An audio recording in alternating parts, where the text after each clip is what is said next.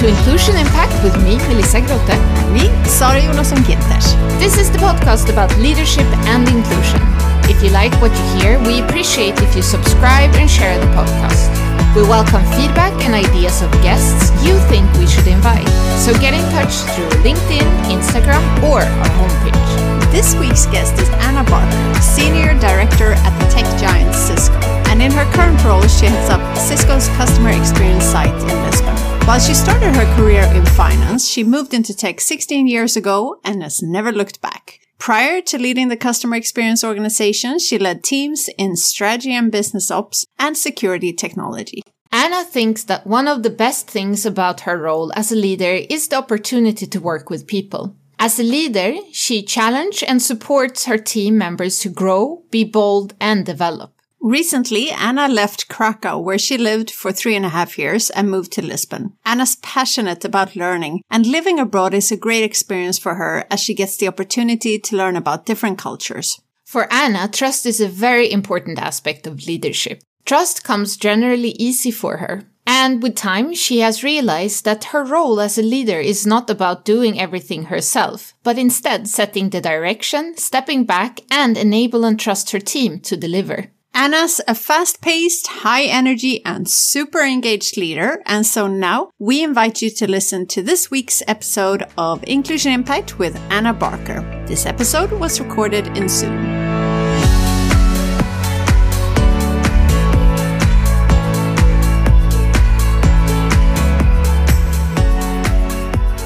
A very warm welcome to Inclusion Impact, Anna. How are you today? I'm very good, thank you. Very good. I'm really looking forward to this. Great. How does it feel to be here with us? Well, inclusion and collaboration and diversity is something that's very close to my heart. So I'm really thrilled that you asked me to be here. And this is my first podcast, so it's exciting as well. So, yeah, very, very happy to be here. We always start out with a few questions so that we and our listeners can get to know our guests a bit better. So could you start out by telling us a bit about your career journey and what you do today?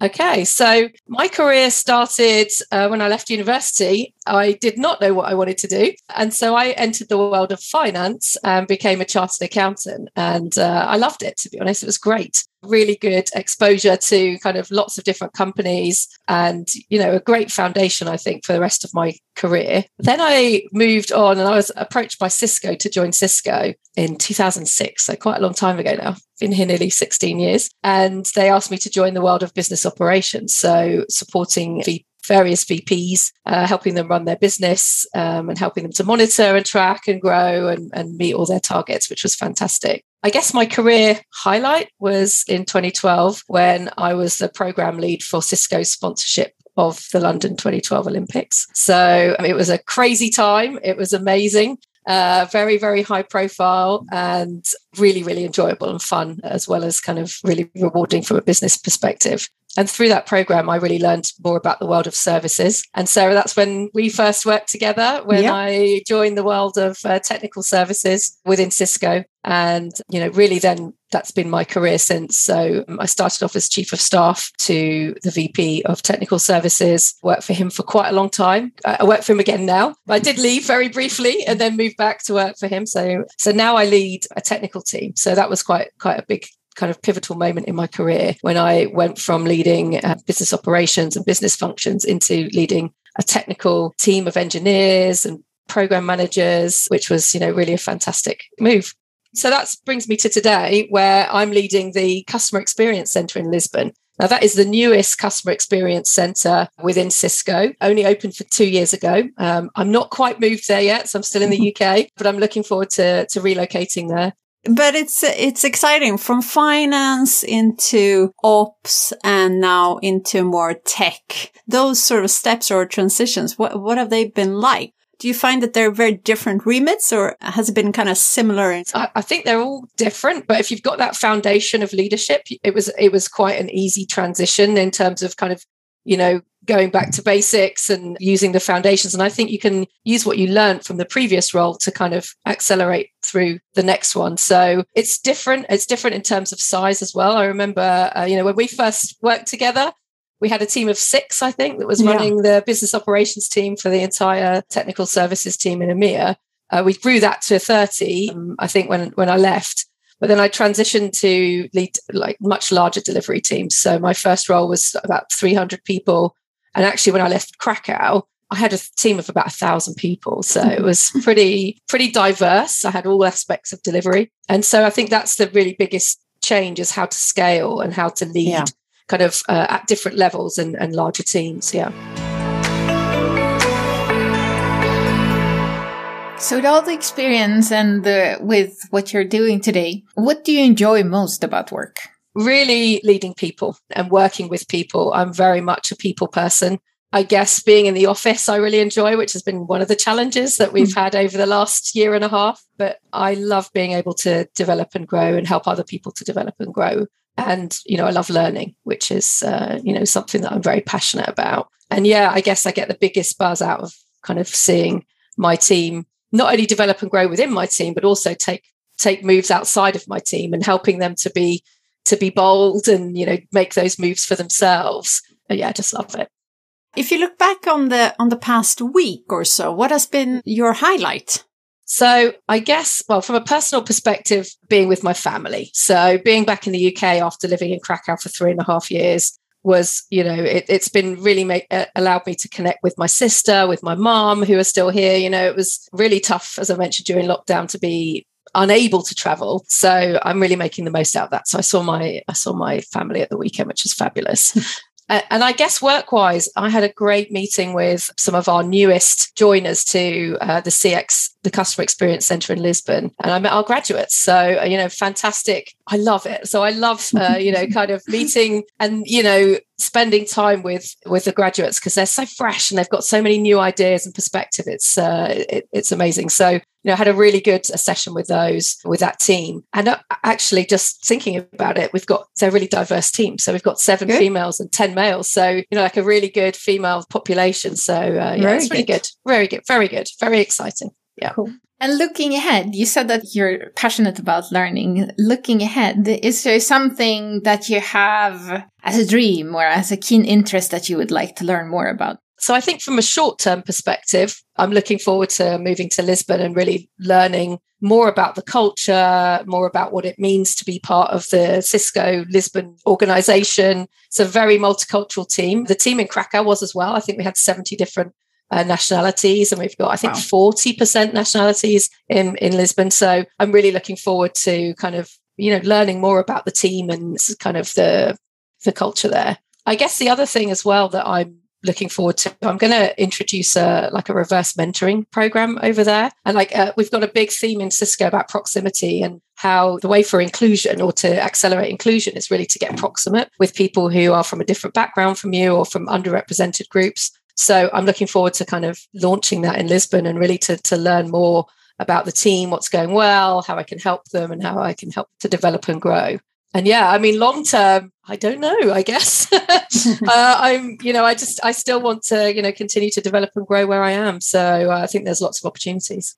So this podcast, of course, we, we talk about leadership and inclusion. And so talking about leadership, how would you describe your leadership style? Definitely open and authentic. So I think that's one of the things I'm very kind of clear on in terms of my values. I always try to lead and, and, walk the talk really and make sure that kind of I'm, you know, showing up the way I want other leaders to show up and really empowering others. So, you know, enabling others to achieve and maximize their strengths and achieve their full potential. So that would be my two main things, I guess, the authenticity and openness, and I guess trust based as well. And that's something that, you know, as you get more and more larger teams and as you get more senior, the leadership is becomes really, really about trust. You were mentioning earlier that you really enjoy seeing your your team grow and also to move into other roles. And uh, now again around your leadership, that that's something you're you're passionate about. Could you give us some concrete examples of how you are working on this? How do you work with the team to make it happen? So I think the first thing is really to understand people as individuals and really understand what their what their strengths are and also understand what they want to achieve. I have this kind of this matrix where it's kind of what do you like and dislike and what what are your strengths and what are your weaknesses and the ideal kind of direction to go is something that plays to your strengths and that you love. So that's what I try to try to understand from people that I mentor, people that I that, that work for me as direct reports and that then opens up you know many more opportunities and different conversations. I think the other thing as well is I, while i would love to have everybody stay working for me i think it's really important to understand that people work for you for a you know for a finite amount of time. And the important thing is to help them develop and grow as much as possible during that time so that they can then you know step into something new or step up into a, a, promotion and you know enable them to kind of to make those moves. And sometimes it's it's risky for for yourself or for others to take those moves. And it's about making sure people feel very secure and confident that they can make those moves if they want to. And obviously not pressure anybody or push anybody to do anything. So yeah at their own pace I'm also want to ask about the trust aspect of your leadership style that you described. Where does that come from? Your firm belief in trust as that kind of trait that you really want to instill. Where does that come from? That's a difficult one, Sarah. um, so I think it's I think it's the way I am and the way I kind of operate, and and maybe even from the very beginning of my career when i particularly when you're in finance you're you have this huge amount of trust and confidentiality and you know it's it's just expected. It's like a baseline. Um, and i think i've kind of taken that with me through all of my different roles. And especially being a chief of staff you know you're involved in a lot of confidential things that you know you, you have to you have to be trusted and be trustworthy and you have to empower others as well. So i think it's one of my characters characteristics and i think that enables me to i trust very easily i have to say with with my team but also when the trust is broken it's really quite hard to repair. So it really is um, you know kind of a, a natural go-to for me. Right. Mm. and if you're looking back how would you say that your leadership style has developed over over the years to become the leader that you are today so I've always been very people focused. So I think that's kind of like the foundation of kind of really enabling, you know, that enabling others and, and being focused on people. I think over time, as I've become like a manager of managers, director, senior director, it has to be more trust based. It goes back to trust. You can't micromanage at that level. You have to be able to, you know, set the direction and then trust and enable your people to be able to deliver. So I definitely think kind of more and more trust based and i think there's been a few aha moments over time which have like really reinforced that. And it is harder to make sure that your leaders are, are aligned. So kind of communication is absolutely critical. So i guess i've kind of tried to focus more on communication over time as well making sure there's clarity and of course making sure there's a good environment like a healthy environment for everybody to operate in. Could you share one of those aha moments um, yes, I said yes, of course. So I remember very much when I first became a leader of leaders, and I was trying to do too much, I guess. I was trying to really be involved in everything. I wanted to review absolutely everything and, you know, really kind of, you know, hands on from a positive, uh, not from a negative way that I didn't trust everybody, but I wanted to like help people make sure they felt supported and they could do everything. And I guess I realized, you know, I was, I couldn't cope. It was too much work for me to, you know, to take on that kind of leader of leader role. You have to adjust the way the way you lead you have to make sure that prioritizing what you do step into and what you do allow you know people the freedom to. But sorry you probably kind of recognize this because uh, you know this was when we were working together. And i think that was a real aha moment that you know you have to kind of step back. Otherwise it's not good for you. And also it doesn't give your team the chance to develop themselves and kind of step in. If you're always kind of you know kind of reviewing everything it doesn't give them a chance to kind of make their own kind of mark and and kind of create things for themselves have there been any other sort of defining moments for you that have had a strong impact on you as a leader? I think there's a few things really. I think from a personal perspective, you know, I have had a lot of illness in my career and and that was quite, you know, everything was going fine then all of a sudden I, you know, I found out um, without going into too many details that, you know, I would have to have quite a considerable time off and it really taught me that health was really important because before mm. then I'd been a bit of a workaholic you know happy to work long hours happy to kind of you know put work first but actually that's not sustainable and i think that having you know such a, a, defining personal moment was really really key helped me to create some boundaries and help me to also help my team to also focus on their own health and their own well-being. And i think especially now during the pandemic that's more important than ever. I guess from a career perspective or from a professional perspective the biggest defining moment for me was when i moved to krakow. So in 2018 it was like the biggest risk and the biggest jump for me because I was very comfortable, very experienced chief of staff, you know, director, you know, knew also that the, the, part of the business I was working in really, really well, you know, really comfortable, confident position. And I decided that I wanted to move as part of my own development into that delivery role that we talked about earlier. And it was scary. I didn't really know. I knew delivery from afar, but I'd never managed a team of, of engineers. And moving to a different country where I'd lived in like the UK for my whole life, uh, you know, getting exposed to a completely new country and culture and language, which was really difficult.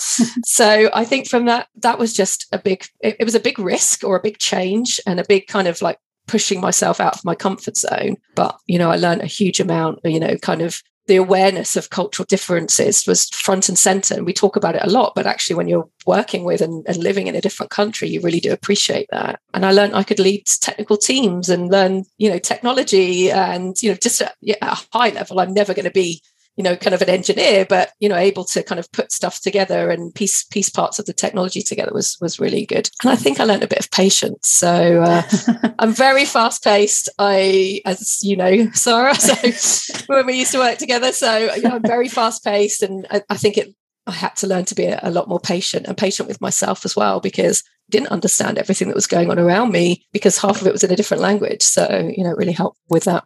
And now you're moving to yet another new country with a new language again. yes, I know. Well, I loved it. So, I mean, that's one of the benefits of, you know, when you really immerse yourself, you kind of, it's such a rewarding uh, experience. Yeah. I loved. So, my team there at its largest was nearly a thousand people. So, you know, having that scale and having that impact, and also, you know, I was one of the country leadership part of the country leadership board. So I was getting involved in things like, um, you know, external relationships mm. and you know, meeting with the American Chamber of Commerce, you know, things like that, which were which are really different from from what you do. So, and obviously the the ability to to help that whole team kind of develop and grow and move Krakow as a site to its next level. Yeah. I, I just jumped at the opportunity to do that again and mm. and to kind of you know have have a similar experience with with Lisbon and you know get to learn and learn new things as I mentioned earlier. So so yeah, I feel a little bit more better prepared now. If I go to Lisbon, I know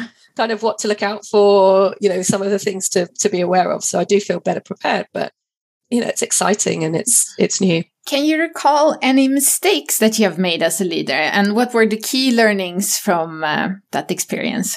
I think that what I mentioned earlier about the manager of managers, and and I think that was that was a I guess a mistake, you know, or kind of having to adjust to that would be something that I definitely learned from. And I think trying to be overprotective, I guess, would be my other thing, which is kind of linked, but maybe slightly different. So you want I'm a perfectionist, and you know that's something that I'm working on, uh, you know, all the time. I was trying to help my team be perfectionists as well, you know, and kind of really kind of having their back, which again is one of the things that I think is really important in a manager and a leader.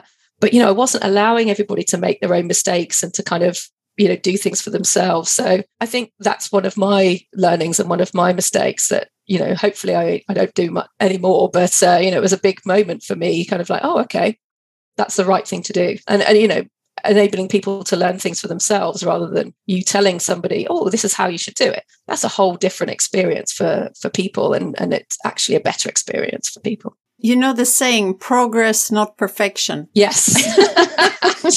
Yes indeed. Exactly. And you, know what? It's one of my development areas that i have to you know constantly work on as well as kind of delegating and making yeah. sure that you know people are empowered and enabled because you know i think it's i think it's you know it's fundamental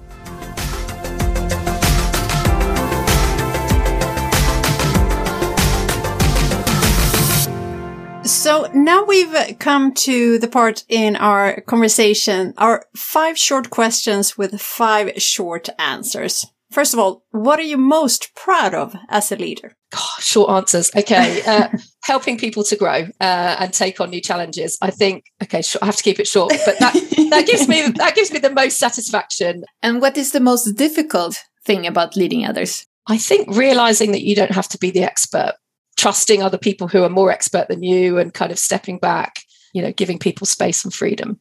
What is the most fun thing about being a leader? The connections and having being able to kind of connect with people at all different types of, of levels within the organization, you know, spending time with people, I think. Are there any leaders who inspire you and why?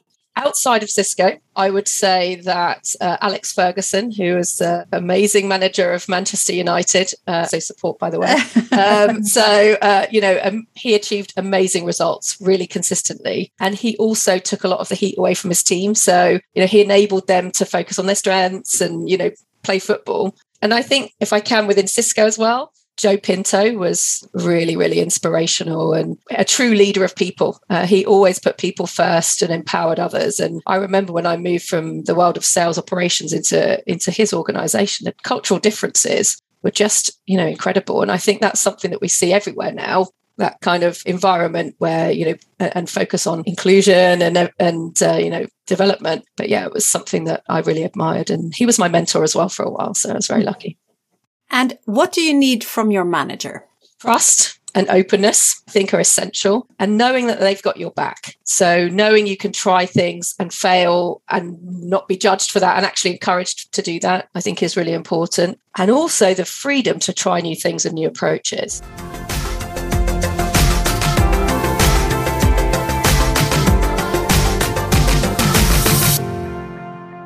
So, moving into the next part of this conversation and talking more about inclusion. So, how would you define inclusion? Inclusion for me is really connecting people from diverse backgrounds with diverse perspectives and making sure that people can show up as their true self and you know be at their best and i think from an inclusion perspective it really is unlocking the full potential of people connecting people with really different backgrounds not just gender or race or ethnicity or generations, but everybody, even like difference in opinions, you know, really does take your work and your performance as a team to the next level. And in Cisco, we call it being the bridge. So we have inclusion is the bridge, you know, to the future. What would you say is the link between inclusion and leadership? So your role as a leader, what's your role in creating those connections, etc.?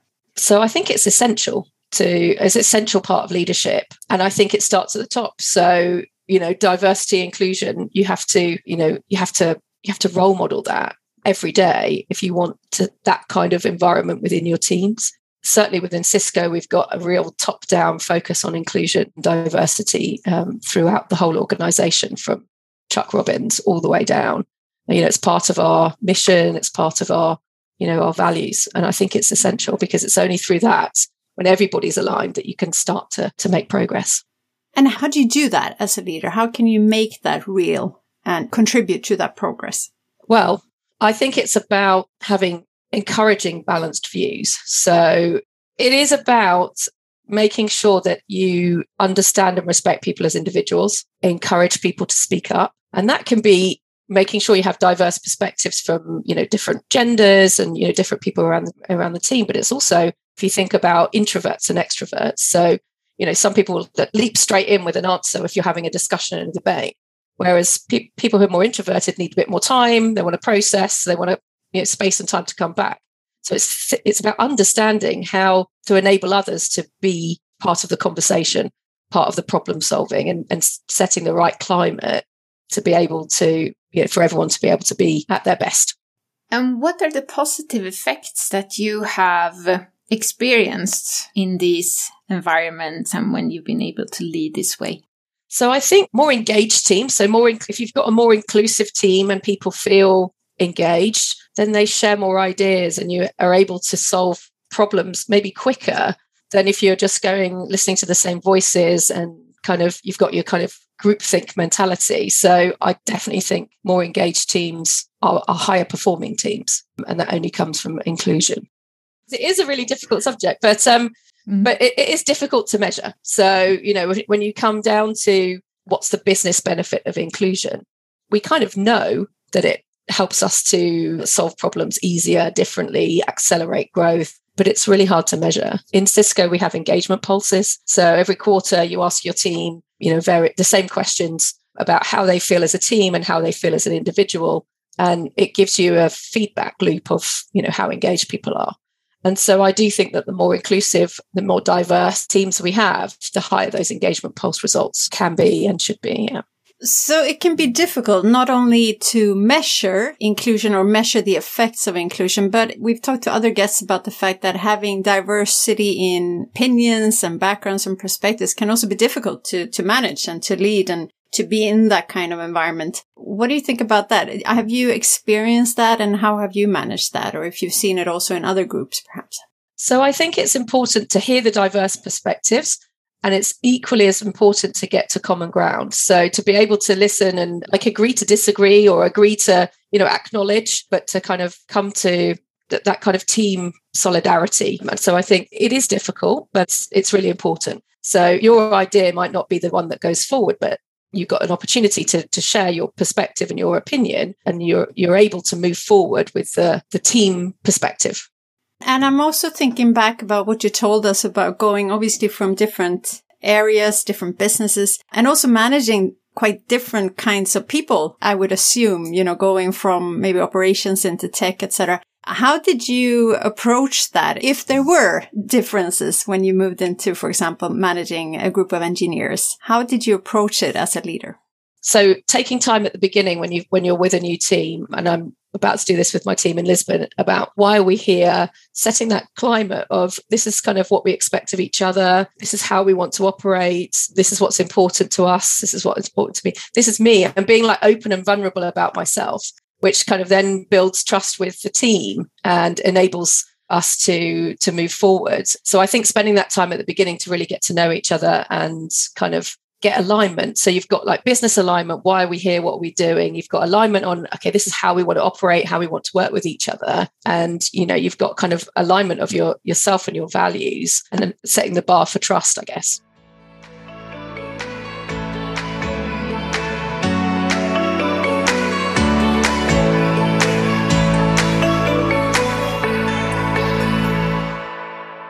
Do you think there are any aspects in tech that makes inclusion easier, but maybe also more difficult? So, one of the biggest challenges in the technology industry today is the gender diversity. We tend to not have as many female candidates applying for any open roles. We also have challenges at certain points in their careers within Cisco. We see a lot of women leaving technical roles and going into management or leadership or kind of non technical business operations roles. So, having really senior female role models for our junior engineers to look up to is something that we really focused on within certainly within my organization in Cisco. And we're doing lots of other things as well in terms of trying to encourage more girls to take STEM subjects at school. So we have Green Light for Girls, which is a fantastic organization. And they come in and they kind of, you know, make it fun and exciting for girls to do science and, you know, learn about technology. We're also kind of sponsoring women in tech events. And it was amazing, you know, was part of the Women in Tech event in Poland in 2019, I think, before the lockdown, uh, back when we, and actually virtually as well. But it was amazing to see so many women and graduates really interested in programming and cybersecurity and, you know, really seeing that as a path. So I think it's slow burner. You know, it's going to take a while to get to get true equality, but I think we're making good progress. What you mentioned there, Anna, about the fact that women they go into engineering roles, but then maybe go into operations or, or non-technical roles. And so that leads to fewer senior women in engineering or in tech areas. What were some of the hurdles or barriers that you've seen at Cisco? Why is that? And what can you do about it? I don't know the answers. So we don't have all the answers. And I think we're trying to understand that. And we're trying to work with some of our senior technical leaders and solution architects who's, who have continued in their career to understand what was the drivers for them how did they become successful? And if i speak to some of my former teams who have gone from a technical role into a non-technical role they want to try something different and they want to try something new. And you know i think females make wonderful leaders. And i think it's an i think it's great opportunity to have more female leaders in the company but it's something that we're still trying to understand and and focus on. Is it because they don't see someone that they can look up to and say, "Oh, I want to be, I want to be just like her when I'm older." older sounds wrong. I want to be just like her in a few years, or you know, I can see myself in that role. And I think that's where we we need to kind of understand a bit more and really help and encourage our female technical leaders to make it to that level, so that they can be role models to others. Right. Yeah. Looking ahead, Do you have any other observations when it comes to trends and movements in the field of leadership and inclusion in tech? What do you foresee for the future? I think this is absolutely front and center for most leaders, I would say now. And it's, I think it's, it's fantastic. And if I think about you know, the example that I shared earlier with Joe Pinto, I think he was like ahead of his time. And back in 2012, when I joined the team, you know, really focusing on people, focusing on inclusion. And um, I'm really encouraged by that trend that we're seeing in the rest of the rest of Cisco, the rest of um, company in general. One of the things that I noticed in the Pride, I think it was Pride month earlier this year, and when you were looking on LinkedIn or Facebook, the, the logos changed for so many companies to show that, that they were supporting, you know, pride. And, you know, that's fantastic to see, you know, to see that kind of very open support for inclusion. And I think that's that's a trend that I hope will continue. We're now approaching the end of this conversation. Could you please share your top three leadership tips on how to make a difference and to create more of inclusive environment? So for my top three things, so first of all, create the right climate as a, in your team. So make sure that you are creating a, an open environment, an inclusive environment, a trusted environment where people can speak up, people feel they can be themselves. And, you know, that just really supportive climate and, and environment for people to flourish. The second one, I think, is really around making sure that we have the right relationships with our teams as leaders, really getting to know our teams as individuals, understanding their strengths, and really understanding what's driving them, what they want to see, how they want to develop and grow. So, definitely climate and relationships. And the third one, I think, is around being a bit disciplined about inclusion and kind of looking at everything from that diversity and inclusion lens. You know, when we're hiring, do we have diverse hiring panels? You know, when we're looking at building teams, do we have diverse teams? And not just gender, but, you know, ethnicity um, and, and also strengths and, and profiles and ultimately uh, encouraging diversity, you know, in terms of how we communicate. Great advice there. So building the right climate, building good relationships and looking at things through the inclusion lens. I like that. Do you also have something our listeners could start doing already today? Something in their everyday lives that they could do to become more inclusive? I would suggest kind of reverse mentoring or kind of proximity initiatives where you actively seek someone with a different background to yourself. It might be an age as well. So, and really get to know people. It's only through, and this is something that we really focused on within Cisco, it's only through getting pro- proximate with people that you can really understand things from their perspective. So, I would definitely suggest that kind of program or, or just doing it as an individual. Finding people to, to sponsor and mentor is from a different background to yourself. And on that, have you or have you heard about others' experiences with that type of reverse mentoring and any particular learnings or insights that they've had from it? Yes. so so yeah, I mean there's a, there's a lot of positive feedback coming from everybody who's been involved in the proximity initiative within Cisco. So this has been kind of cascading down from the very top top leadership within Cisco all the way through the organization. And I know some my boss has been part of that and many of the other leaders. And just really one of the fee- pieces of feedback that I heard was, you know, I've lived in many countries, I've worked in multiple roles, but it wasn't until I, you know, I was engaged in the proximity initiative and actually spent time speaking to somebody on a different level that I really understood that I didn't really understand the full, the full spectrum and the full, you know, the, like how that experience was for that person. So, you know, it's really, really, there's some real positives coming out of, of that, that initiative. Great to hear. And uh, with that, thank you so much, Anna, for being a guest on Inclusion Impact today. Thank you very much for inviting me. Anna talked about proximity and taking the time to get to know one another to work better together. Sarah, do you have any experience from that? Yes, it uh, actually made me remember a colleague who I found it really challenging to work with. We were in the same leadership team together and we're very different. He's very analytical and needs a lot of time to think things through before moving on to decisions or actions. And I just didn't always have the patience for it. But then we attended a leadership program together. And as part of that, we did a personality test to identify our key drivers and motivators. And during the workshop, when he shared his drivers, I had this aha moment. Suddenly it all became so clear to me as I understood him on a completely new level and how I could change my approach in working with him and vice versa. And after that, things really turned around and our collaboration completely changed for the better. I think that's a very, very interesting point, Sarah. And that you can find these great opportunities for proximity just looking around and interacting with your colleagues, and especially the ones that you have a harder time understanding or getting along with. I can also remember this guy I was working with who was very different from me. He was very spontaneous and I am very structured. And we were both aware of these differences. And as I can recall it, I think I struggled more. but to be honest, I don't know because we never got the opportunity to work on it like you. And we never took the initiative ourselves either to discuss it on a more personal level. So we did achieve good results, but we could probably have performed even better together. Yeah, I think that's a key takeaway to really think about how we can get better at investing the time to really get to know one another. Mm-hmm. So, thank you for listening to this week's episode of Inclusion Impact with our guest, Anna Barker, and us, Melissa Grote. And Sara Jonasson Gilters.